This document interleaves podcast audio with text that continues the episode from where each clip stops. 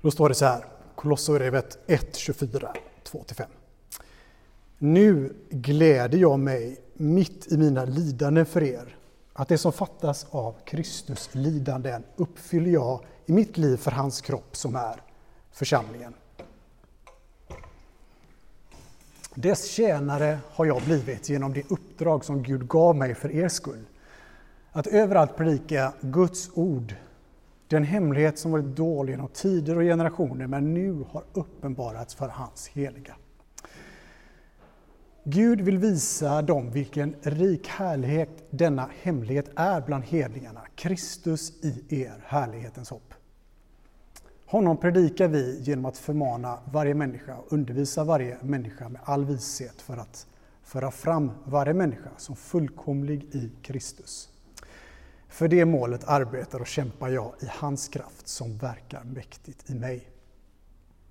Jag vill att ni ska veta vilken kamp jag har haft för er och för dem i Laodicea och för alla som inte har träffat mig personligen. Jag kämpar för att de ska bli styrkta i sina hjärtan och förenade i kärlek och nå fram till hela den rika och fullt övertygande förståelse som ger rätt insikt i Guds hemlighet, Kristus. I honom är vishetens och kunskapens alla skatter gömda. Detta säger jag för att ingen ska bedra er med övertalningsknep. För även om jag inte är hos er kroppsligen så är jag hos er i anden och gläder mig när jag ser er ordning och fasthet i tron på Kristus. Liksom ni tog emot Kristus Jesus som Herren. Lev i honom, rotade uppbyggda i honom. Grundade i tron i enlighet med den undervisning ni fått och låt er tacksamhet flöda över. Låt oss be tillsammans. Tack Kristus att du har den här stunden i dina händer just nu. Tackar dig att vad som än händer så vet vi om att eh, allting centreras i vem du är. Och när vi idag eh, stannar till i den här texten så ber vi dig att vi skulle få se dig för vem du är igen. Förnya oss igen genom din Ande, genom ditt ord vi ber. Amen. Så jag vill stanna upp egentligen kring några saker här i det här brevet. Egentligen tre stycken eh, jag ska inte säga punkter, för det, jag kommer låta det här veckla in sig i vartannat här, men ett, mysteriet, hemligheten med att Kristus är i oss, med oss. Två, hur Paulus kämpar i Guds kraft. Och hur vi kan förnyas och fortsätta att leva i honom. Så om man ska titta på eh, Kolosserbrevet, egentligen är egentligen hela, hela Bibelns berättelse från, alltså hela Bibeln, från eh, eh, Första Mosebok till Uppenbarelseboken. Gamla testamentet pekar mot Kristus. Sen har vi Kristus i centrum i korset och hans uppståndelse. Allting bara centreras kring den här händelsen på korset. Och efteråt, efter hela Bibeln, i Nya Testamentet, så förklaras det som har hänt. Därför allting centreras i eh, Jesus själv. Han är som, som eh, vi brukar säga, Bibelns stjärna och kärna. Och Kolosserbrevet är väldigt kristologiskt.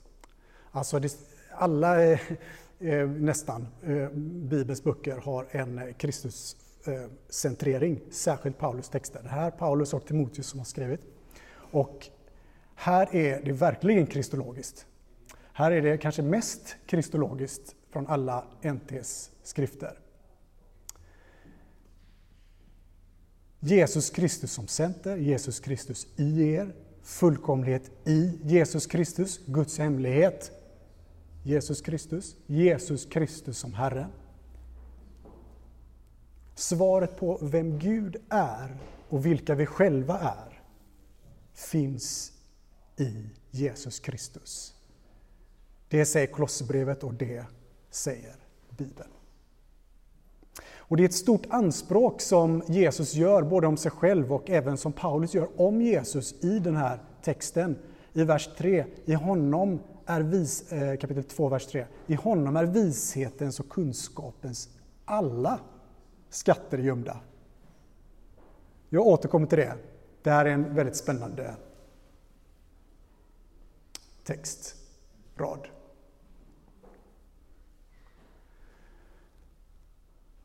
Det fanns, som vi hört innan, Eh, sänker bara lite, lite mycket medörning bara. Ja, just det, jag förstår inte svenska där bak. Uh, Christian, you wanna lower it just a bit? Tack. eh, som vi har sagt innan så finns det många mm, eh, villoläror i Kolosse som gärna ville lägga till i kunskapen om evangeliet. Som Jakob sa förra veckan, en plusmeny. Jag vet inte, Jakob förklarade inte plusmeny så noggrant. Eh, alla visst kanske inte ens vet vad det är.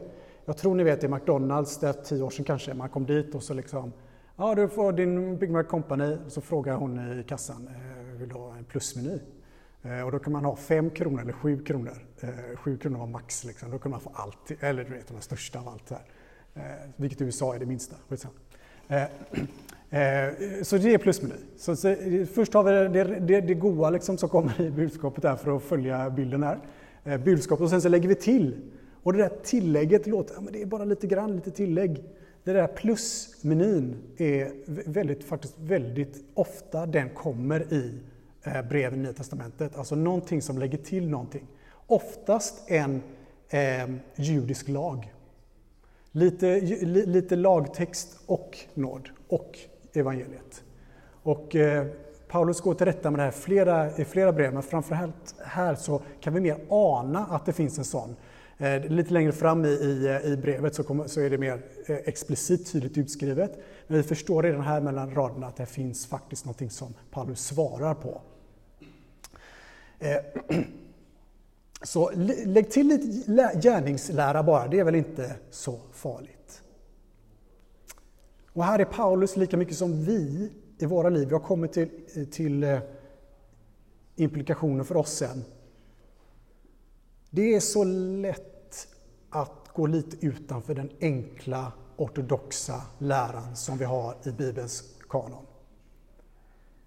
Lägga till lite av egen förmåga, lägga till lite av någon annan berättelse. Men värst av allt blir det eh, för att liksom måla lite grann här nu i, i vår samtid. Värst av allt blir det när Jesu anspråk ifrågasätts. Liberalteologin idag den ifrågasätter och förminskar Jesus till en god morallärare som förnekar, och man förnekar exempelvis oftast eh, Jesu jungfrufödsel, hans Jesu under, Jesu uppståndelse exempelvis.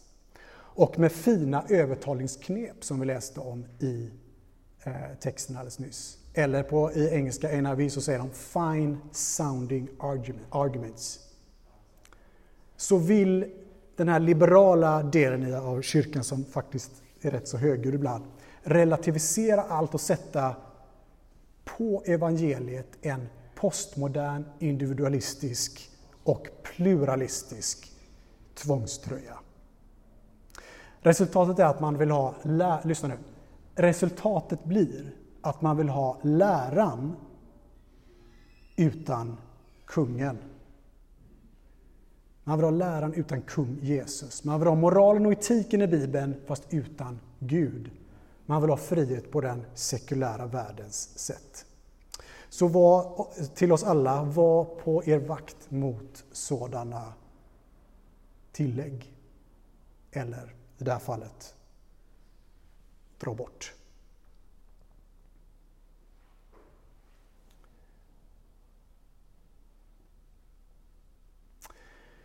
Så finns det också en, eh, för att göra en lite större bild av vad tillägg skulle kunna vara, en legalistisk kristendomssyn.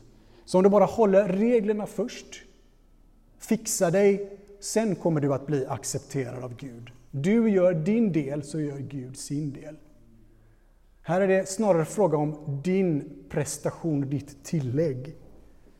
Så om bara du använder all din vilja och kapacitet genom kanske plikt, genom goda gärningar, så blir det okej. Okay.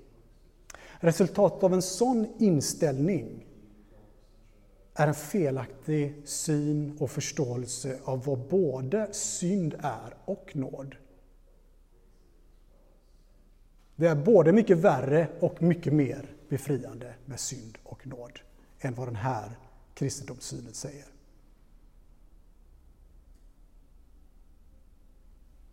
Så var på er vakt mot en sådan lära, var du än hör den, mellan rader oftast i det senare. Men var på er vakt mot det där. För ingen av de här två har en kristologisk förståelse. Båda förminskar Kristus. Men Paulus i Kolosserbrevet centrerar allt som är viktigt, viktigt i livet till Jesus själv. Så vad betyder det när vi läser i vers 3, i honom är vishetens och kunskapens alla skatter gömda? Jo, det menas, tror jag, att när vi lever för honom och inte för oss själva, så får vi del av hans rike, hans skatt. Vad är det här för skatter? Den som lever enligt Jesu bud hittar de här skatterna. Vilka är Jesu bud? Att vi ska älska varandra. Självutgivande kärlek utan baktankar leder till ett liv fyllt av de här skatterna, tror jag bland annat. Bara den som har fått skatten att själv ha erfarit att man är älskad som Guds barn kan älska till och med sin familj, sin, sina vänner och sina medmänniskor på det sättet som Gud vill. Så den här visheten och den här kunskapen, att älska, ges i fritt mått till den som följer Kristus. Och jag vågar påstå att det faktiskt är det som livet handlar om. Och här kan vi knyta an till en annan intressant idé som jag var inne på här innan, inte jag, men som Kolosserbrevet pratar om. Att det finns en hemlighet eller ett mysterium i Kristus. En hemlighet i mysterium att vi har blivit skapade till honom i honom. Och Det här har att göra med ett begrepp som vi ofta slänger oss med, kanske som du har hört innan. Ja, men Jesus bor i dig, så därför, la la la.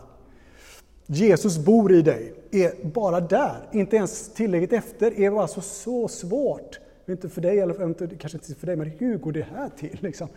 Hur kan, eh, hur kan Gud som, som har skapat allting, vadå bo i mig? Var, var händer det någonstans? Liksom? Är det när jag ber? Eller var, var exakt i, inom bor han, bor jag? Alltså förstår, det ställer jättemånga följdfrågor.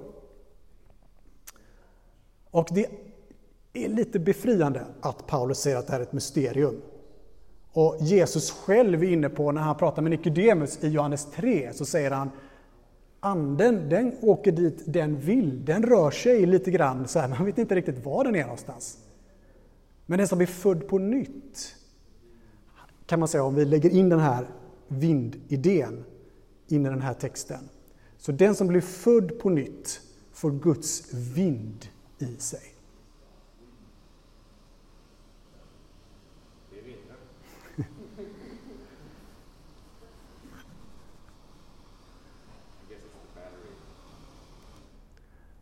Stänger av den. Så Guds vind finns i våra hjärtan. Vårt innersta, den inre trädgården där Gud opererar. Han opererar inom oss genom sin Ande.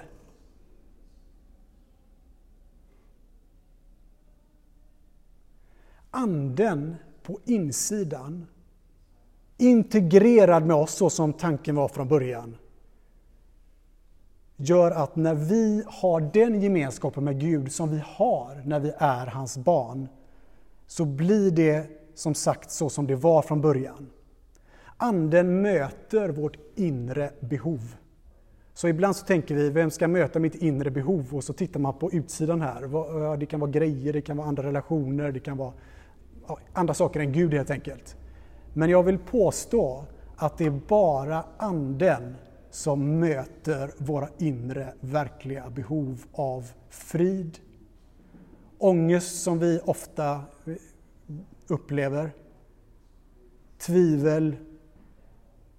Allt det där stillar Anden.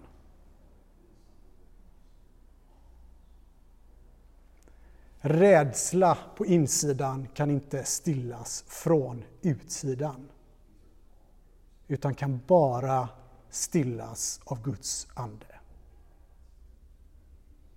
Så utan anden på insidan som faktiskt är integrerad med oss om vi inte lever med anden så blir vi till slut ett offer för oss själva, för ondskans andemakter och för förvärldsligande. Men anden visar oss på ett liv i efterföljelse, där vi tar tag i Jesu dräkt eller hans kläder och så säger vi, jag vill bara med allt mitt liv följa dig istället för att leva kvar i min egen fattigdom. Och när vi kämpar, för det kommer vi alla göra, även när vi följer honom så är livet inte syndfritt. När vi kämpar så kämpar vi i hans kraft med anden i vår absoluta närhet. Vilket mysterium, vilken hemlighet. Så när Paulus kämpade bön för de första kyrkorna, som vi, ser om här, som vi läser om i texten, så kämpar han inte som någon som har boxhandskar på sig och slår i luften, för det använder han bilden i ett annat brev. Nej, han, han kämpar i Guds kraft. Och hur går det till? Hur kan, hur, kan, hur kan man göra något i Guds kraft? Ja, det betyder att man i stillhet, tror jag, bland annat, finns säkert flera sätt, men i stillhet säger min väg inte den vägen som kommer, det kommer inte gå det här. Det här, det här är egentligen kört redan, redan innan. Utan om inte du hjälper mig här med det här, med mitt inre, med min inre ångest, om det är det vi pratar om, det är något yttre som vi behöver göra. Om vi tänker, det här går inte utan att vi samarbetar integrerat med Gud. Först då så kommer vi leva i efterföljelse. Så de här utmaningarna som Paulus har, förstår han att i den här, det här går inte, min svaghet löser inte den här saken. Och när han erkänner sin svaghet inför Gud så kommer också Guds styrka för att lösa problemen. Och en del problem försvinner inte. Hans meningsmotståndare försvann aldrig kan man säga. Eh, de som ville göra lag av allting försvann inte verkar det som. Och vi ser även framöver i, i Nya Testamentet att det verkar inte som att de försvinner. Men Paulus gör sin grej ändå. Han är uthållig i sitt lopp. Han kämpar med Rom, han kämpar med judarna, han kämpar med lagpersoner.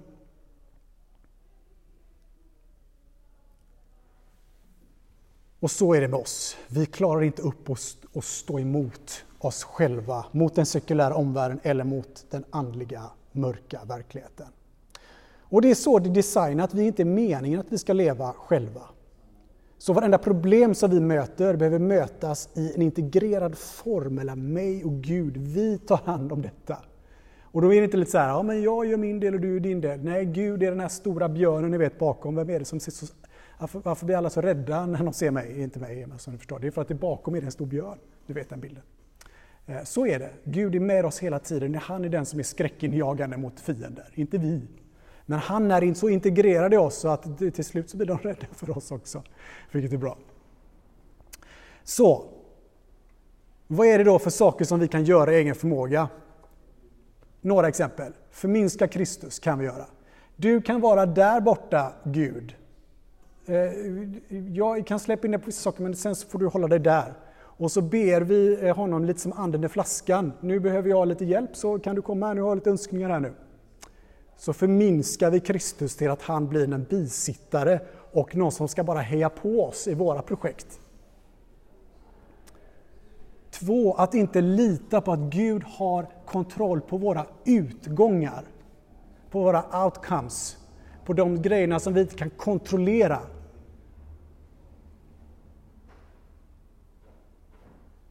Det är att göra sak i egen kraft när man tänker de här utgångarna, hur det här blir, det måste jag kontrollera. Det är att göra något i egen förmåga. Och att tänka att vi har förmågan att föra någon till tro. Bara Gud kan omvandla en människas hjärta till att bli en Kristi efterföljare. Och vi säger, jag vill vara med på det som du gör Gud. Där du går, dit vill jag gå. Dit du sänder mig, dit vill jag gå. Om det är så in till eh, något som du inte vill gå så tror jag inte du kommer, Gud kommer sända dig dit först, men vi följer hur som helst. Så Guds, Guds vilja och vår vilja smälter tillsammans.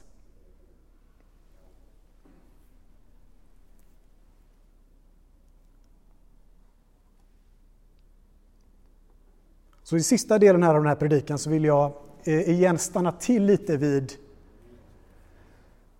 vers 2.67. Jag läser den igen. Liksom ni tog emot Kristus Jesus som Herren, så lev i honom, rotade uppbyggda i honom, grundade i tron i enlighet med den undervisning ni fått och låt er tacksamhet flöda över. Och här så kommer det in eh, vårt liksom förnyelsetema som vi har över den här hösten. Alltså vi tror att Gud behöver förnya oss, och inte bara den här hösten utan alltid, genom sin Ande. Och i vers 6 så ser vi en del av det här förnyelsetemat.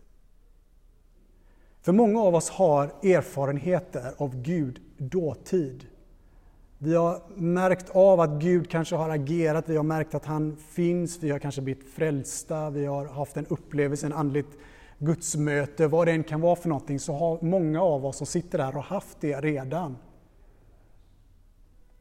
Och det är jättebra. Men så säger texten, liksom ni tog emot Jesus Kristus som Herren dåtid, så nutid lev i honom. Lev i honom. Vi behöver nu, inte sen imorgon, vi behöver nu Guds liv. Vi behöver nu Guds frid, syfte, mening och kärlek. Är du som jag, att du också längtar efter det livet? Längtar att leva i efterföljelse till Kristus? När du läser om lärjungarna i, i, i evangelierna så kanske du tänker, åh, jag skulle vilja vara med och följa. Så vad innebär det att leva i honom? Ja, svaret finns faktiskt i versen. Att vi blir rotade och uppbyggda, var? I honom. Återigen en kristologisk centrering. Rotade dina andliga så att säga rötter. Hämta vatten när du lever och rotar i honom i goda källor. Och nu ska jag göra en liten eh, ordning som du inte ska ta som lag här nu, utan mer som eh, bra tips. Kanske mer än bra tips, men inte lag.